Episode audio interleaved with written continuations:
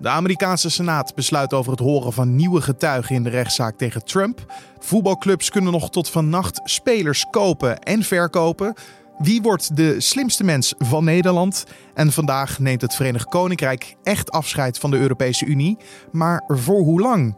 Dit wordt het nieuws. Binnen het Remain-kamp uh, heb je ook een radicale vleugel, zou ik het bijna willen noemen die nu al hebben gezegd: wij gaan gewoon door. Wij willen proberen om de Britten op termijn gewoon weer lid te maken van de EU. Die strijd zal echt niet stoppen. In de nacht van vrijdag op zaterdag stapt het Verenigd Koninkrijk formeel uit de Europese Unie.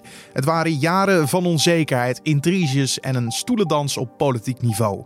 Eén groep mensen heeft het allemaal moeten aanzien de afgelopen paar jaren. Soms met blijdschap, of met diep verdriet.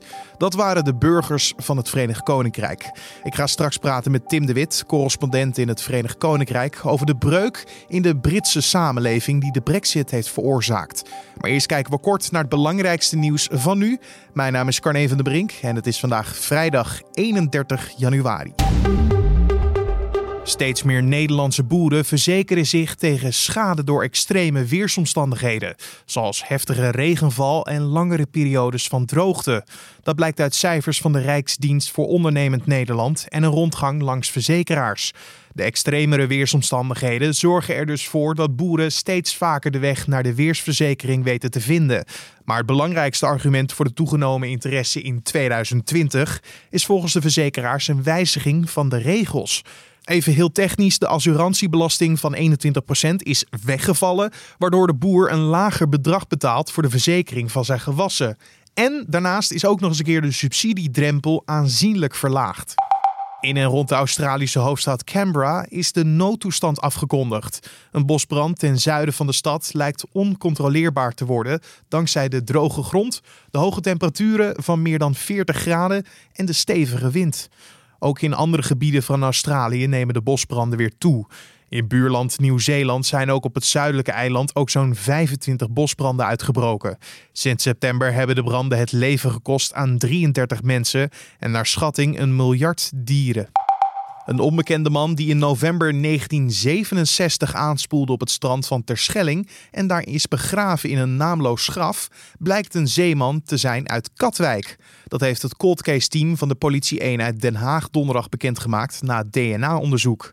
Het gaat om Kees van Rijn, die als 22-jarige deel uitmaakte van de bemanning van de KW-37 Orion. Het schip verging op 28 oktober 1967 in een zeer zware storm op de Noordzee bij Terschelling. Alle zes bemanningsleden kwamen hierbij om het leven en Kees van Rijn werd als vermist opgegeven. Tot gisteren. De tot levenslang veroordeelde crimineel Dino Surel heeft donderdagavond met een medegedetineerde geprobeerd te ontsnappen uit de gevangenis van Herugewaard. Dat schrijft de Telegraaf op basis van bronnen. Het ministerie van Justitie en Veiligheid houdt het bij een vermoedelijke uitbraakpoging en wil verder geen commentaar geven.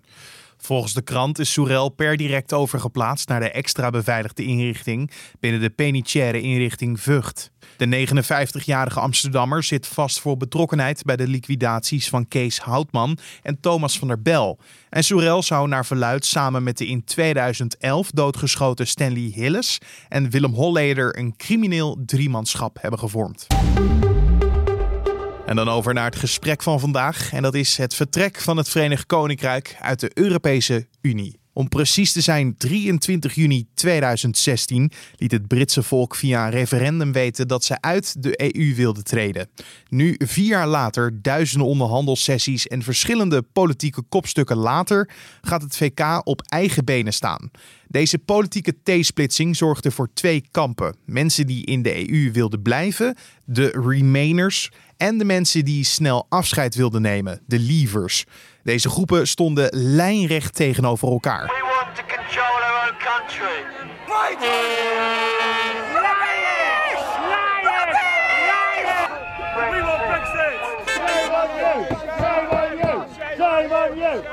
Je kan wel zeggen dat er een kloof was ontstaan tussen het Britse volk. Tim de Wit, correspondent in het Verenigd Koninkrijk voor de NOS, Nieuwsuur en Trouw. Kom mij vertellen hoe groot deze kloof precies is. Nou, kijk, wat je merkte was dat in de aanloop naar het referendum in 2016, uh, toen begon die kloof ineens te groeien. Want uh, het grappige is, de, de, EU is hier altijd wel een beetje onderwerp van gesprek geweest. En het was altijd zeker onder met name oudere Britten die zich nog de tijd konden herinneren voordat Groot-Brittannië in de EU zat. Hè, want dat is, die waren dus sinds 1973 zijn ze toegetreden ja, die hadden heel vaak al zoiets van, hey, die EU moet dat nou en zo. Maar het was nooit zo'n scherp debat. Of het was nooit dat het je identiteit begon te bepalen. Maar wat we door dat referendum hebben gezien, is dat dit land in één keer is, uh, in tweeën is gehakt in remainers en leavers. Dus de blijvers die in de EU wilden blijven en zij die eruit wilden.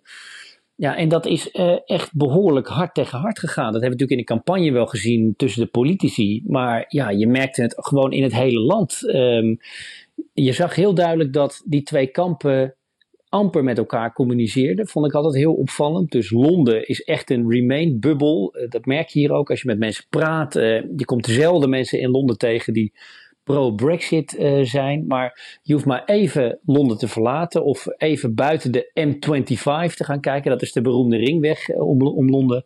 En je treft een heel ander land aan. je komt mensen tegen die dus overtuigend pro-Brexit zijn en daar dan ook heel veel medestanders uh, vinden. En dat vind ik zo interessant, hoe dus iets wat nooit echt uh, een enorm groot discussiepunt was voor veel mensen, is door dat referendum ja, heeft het echt het hele politieke landschap en dus ook je politieke identiteit uh, helemaal overhoop gegooid. En niet alleen waar je woonde zorgde voor verschil als het gaat om uh, je mening over de brexit. Families waren eigenlijk ook niet meer veilig. Want uh, bijvoorbeeld je broer was voor het blijven in de EU en je zus was voor het vertrekken uit de EU. Dit soort gevallen zorgde toch ook voor heel veel spanningen? Ja, ik, ik ken veel voorbeelden, pijnlijke voorbeelden. En vaak, je, zag natuurlijk ook een hele duidelijke splitsing tussen jong en oud. Dus uh, veel jongeren hebben tegen Brexit gestemd. Uh, zeg maar de, de groep 18 tot 30 jaar ongeveer. En kijk je bij de groep uh, 65 plus, 60 plus. Daarvan heeft een ruime meerderheid voor Brexit gestemd. Dus je kunt wel nagaan dat heel veel ouders Brexit stemden en hun kinderen tegen Brexit uh, stemden. En dat heeft tot heel veel pijnlijke situaties geleid. Britten zijn ongelooflijk beleefd. Dat zit echt in de volksaard. Maar uh, Brexit heeft in veel familiegevallen aan die beleefdheid best vaak een einde gemaakt. Politiek is gewoon een onderwerp waar in heel veel families niet meer over gesproken wordt, omdat het altijd tot hele heftige discussies leidt. Ik, ik ken een, vriend van mij bijvoorbeeld, die gaat niet meer bij zijn schoonouders op bezoek, omdat hij gewoon geen zin meer heeft in. Omdat hè, dus zijn schoonouders hebben voor Brexit gestemd. Hij woont in Londen. Hij was tegen. Hij heeft er gewoon geen zin meer in, uh, in die gesprekken. Dat is een paar keer zo geëscaleerd. Nou, dat is maar één voorbeeld wat ik, uh, wat ik nu noem, maar zo zijn er talloze. Uh, ja, het is gewoon echt een, een, een dusdanig gevoelig. Hè, want het bepaalt ook zo ongelooflijk veel. Bepaalt echt de toekomst van het land natuurlijk. Want waarom zou je dan zeggen dat dit politieke klapstuk zoveel betekent voor heel veel Britten? Heeft het te maken met trots of gebrek aan vertrouwen in, in de EU? Ja, kijk, er zijn een paar, paar dingen die je daarover kan zeggen. Je merkt bij jongeren bijvoorbeeld heel erg, die hebben het gevoel van uh, mij wordt het vrij verkeer van personen afgenomen. Hè, want dat is natuurlijk echt een, voorrecht vinden heel veel mensen die in de EU zitten. Je kan zonder paspoort, uh, of net wel met paspoort, maar zonder problemen kun je gewoon in een ander land van de EU vestigen. Kun je daar gaan werken, kun je daar doen wat je wil. Um, en dat kan voor de Britten straks niet meer. Uh, dat, is, uh, bedoel, dat is een van de consequenties van Brexit. Dat je niet meer tot de EU behoort en dus ook niet meer gebruik kan maken van het vrij verkeer van personen. En dat vinden bijvoorbeeld heel veel jongeren vreselijk. En heel veel ouderen, die, zeg maar, eh, een beetje generaliseren, maar zij die voor, voor Brexit zijn geweest, hadden juist zoiets. Uh, alleen maar goed dat er een einde komt aan het vrij verkeer van personen. Want er komen ongelooflijk veel EU-immigranten naar Groot-Brittannië. Die profiteren van onze gezondheidszorg, die profiteren van ons onderwijssysteem, uh, dat moet wel eens een keer afgelopen zijn. Wij willen zelf weer bepalen wie er hier binnenkomen en wie, uh, en wie niet. En immigratie was dus een van de belangrijke redenen.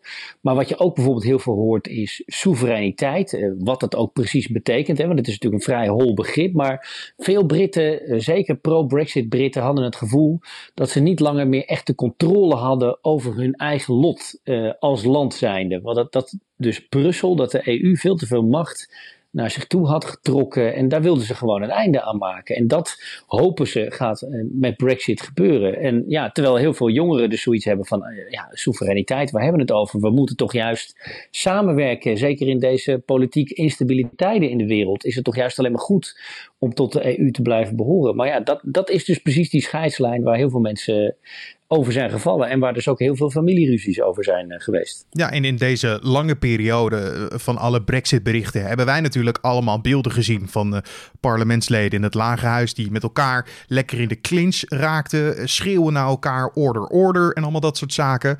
Maar op straat en in de woonwijken ging het er net zo heftig aan toe, hè? Ja, kijk, ik denk ook in die zin dat het politiek nou niet, dat uh, zeker het parlement, niet het meest fantastische voorbeeld heeft gegeven de afgelopen jaren hoor. Want het ging inderdaad hard tegen hard in het lagerhuis. En dat, dat staat natuurlijk, hè, zoals je al zegt, bekend om als een politieke theater.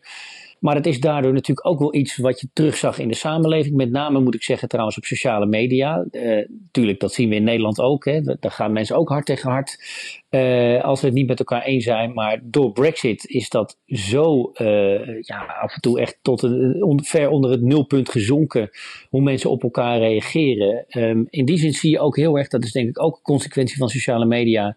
Dat mensen veel meer in hun eigen bubbel zijn gaan leven. Dus ben je voor Brexit, dan volg je vooral mensen die voor Brexit zijn. Hè, op Twitter of uh, je vrienden op Facebook zijn met name voor Brexit.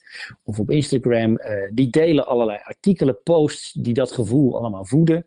En dus voel je je in je eigen bubbel heel erg prettig. En aan de andere kant heb je natuurlijk die Remain-bubbel net zo goed, waar mensen ook heel fanatiek zijn, radicaal zijn geweest de afgelopen jaren. Wat, wat ik heel erg gemist heb, is een middenstroming. Hè, die, uh, ik denk dat dat voor Groot-Brittannië heel goed was geweest, al vrij snel na het referendum, als beide grote partijen, dus de conservatieven en Labour, veel meer de handen in één hadden geslagen en waarschijnlijk gewoon hadden gezegd: dit is zo'n nationale crisis. Uh, dit moeten we samen oplossen. We kunnen niet lijnrecht tegenover elkaar blijven uh, staan. Maar dat is, dat is wel gebeurd. En ja, als dat in de politiek gebeurt, dan spiegelt zich dat vanzelf natuurlijk in de rest van de samenleving. Ja, dan moeten we wel zeggen, dat zeggen we dan met de kennis van nu. Na die vier jaar onderhandelingen en uh, verschillende Brexit-berichten, inderdaad.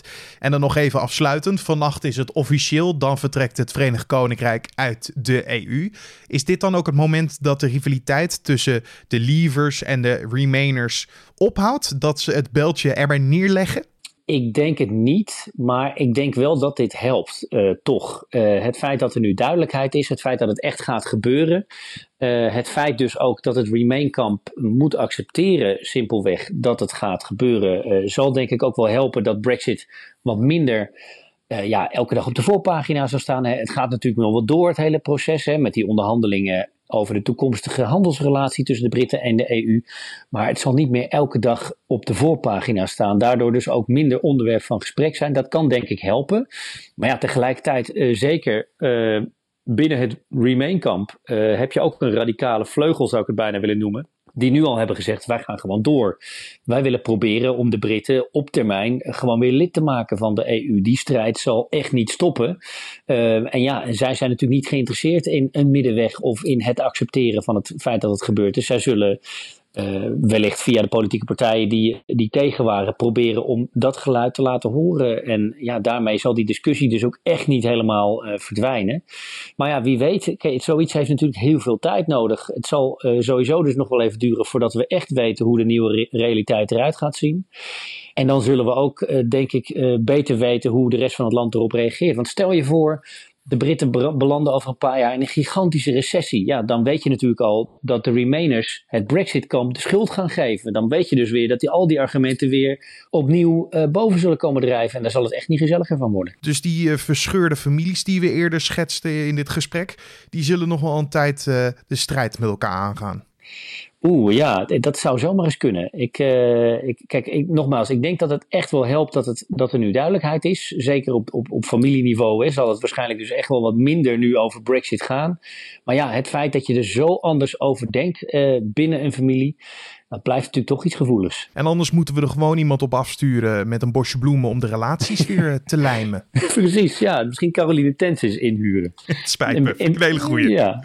Je hoorde Tim de Wit, correspondent in het Verenigd Koninkrijk voor de NOS Nieuwsuur en Trouw. En ik kan heel goed begrijpen dat je nog met heel veel vragen zit over wat er allemaal te gebeuren staat na het vertrek van het VK. Daarom staat onze Week van Nu podcast geheel in het teken van de Brexit en jouw vragen over deze ingewikkelde situatie. Bijvoorbeeld, hoe gaat dit jaar eruit zien voor de Brexit? Wat er gebeurt met Britten die al jarenlang wonen in Nederland? Of zoiets als: zullen de Britse zenders als de BBC gewoon blijven op de Nederlandse kabel? De redacteuren van nu.nl en de hoofdredacteur Gertjaap Hoekman gaan hun best doen om alle vragen zo goed mogelijk te beantwoorden. Dus heb jij nog een prangende vraag over de Brexit en de gevolgen ervan? Stuur die dan naar podcast.nu.nl. Dat is ons mailadres podcast.nu.nl. En wie weet nemen we het mee in de podcast, die je gewoon op de voorpagina van nu.nl kan vinden en in dezelfde podcastfeed als deze. En dan kijken we nog even wat er verder op de agenda voor vandaag staat. De Amerikaanse Senaat beslist vandaag of ze nieuwe getuigen willen horen in het impeachmentproces tegen president Trump. De Republikeinse senatoren zijn ervan overtuigd dat daar te weinig stemmen voor zijn en de Democraten denken juist het tegenovergestelde. En vandaag is dag 2 van de lerarenstaking die is georganiseerd door de Algemene Onderwijsbond. Net als gisteren zijn ruim 4200 scholen gesloten in protest tegen het lerarentekort. Voor vandaag staan er manifestaties op het programma in Den Bosch, Rotterdam, Deventer en Utrecht. En de voetbalwereld houdt vandaag zijn adem in voor de laatste transferontwikkelingen. Clubs in Nederland en omliggende landen kunnen tot en met vandaag hun selecties versterken. Zo zijn er altijd geruchten over clubs die nog net even op het laatste moment die ene speler voor het seizoen wil halen. Zo zou Ajax bijvoorbeeld jagen op een 19-jarige Braziliaan. Wil je op de hoogte blijven van het laatste transfernieuws? Op nu.nl onder het kopje Nu Sport kan je een live blog vinden. En na een lange periode van strijd is vandaag de finale van de quiz De Slimste Mens. Drie kandidaten strijden voor de titel van 2020. Schrijver, theatermaker en presentator Mark de Hond, kinderboekenschrijver Gideon Samson en parlementair verslaggeefster Marieke van den Zilver nemen het vanavond tegen elkaar op. En de finale van De Slimste Mens is rond half negen te zien op NPO 2. Dan nog even het weer. In de ochtend schijnt in het noordoosten nog even de zon. Daarna is het in het hele land bewolkt en hier en daar valt dan wat lichte regen of motregen. Het is een zeer zachte dag met een middagtemperatuur rond de 11 graden. En er waait een matige tot krachtige zuidwestenwind die aan de kust vrij hard kan zijn. En om af te sluiten nog even een bericht in de rubriek opgelicht. Want internetcriminelen hebben het Rijksmuseum Twente voor bijna 3 miljoen euro opgelicht. Dat meldt Bloomberg donderdag. De criminelen deden zich voor als een kunsthandelaar uit Londen die een schilderij aan het museum wilde verkopen. De directeur van het Rijksmuseum Twente onderhandelde maandenlang via e-mail met de kunsthandelaar over een schilderij dat hij wilde kopen.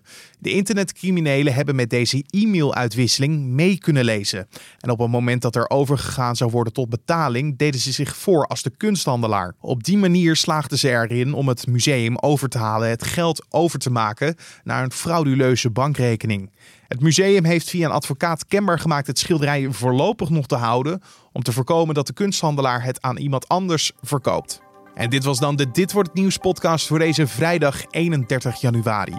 Zoals ik net al zei, vanmiddag kan je dus weer luisteren naar de Week van Nu podcast, die geheel in het teken staat van de Brexit en jouw vragen. Dus heb je nog een vraag, stuur die door naar podcast@nu.nl.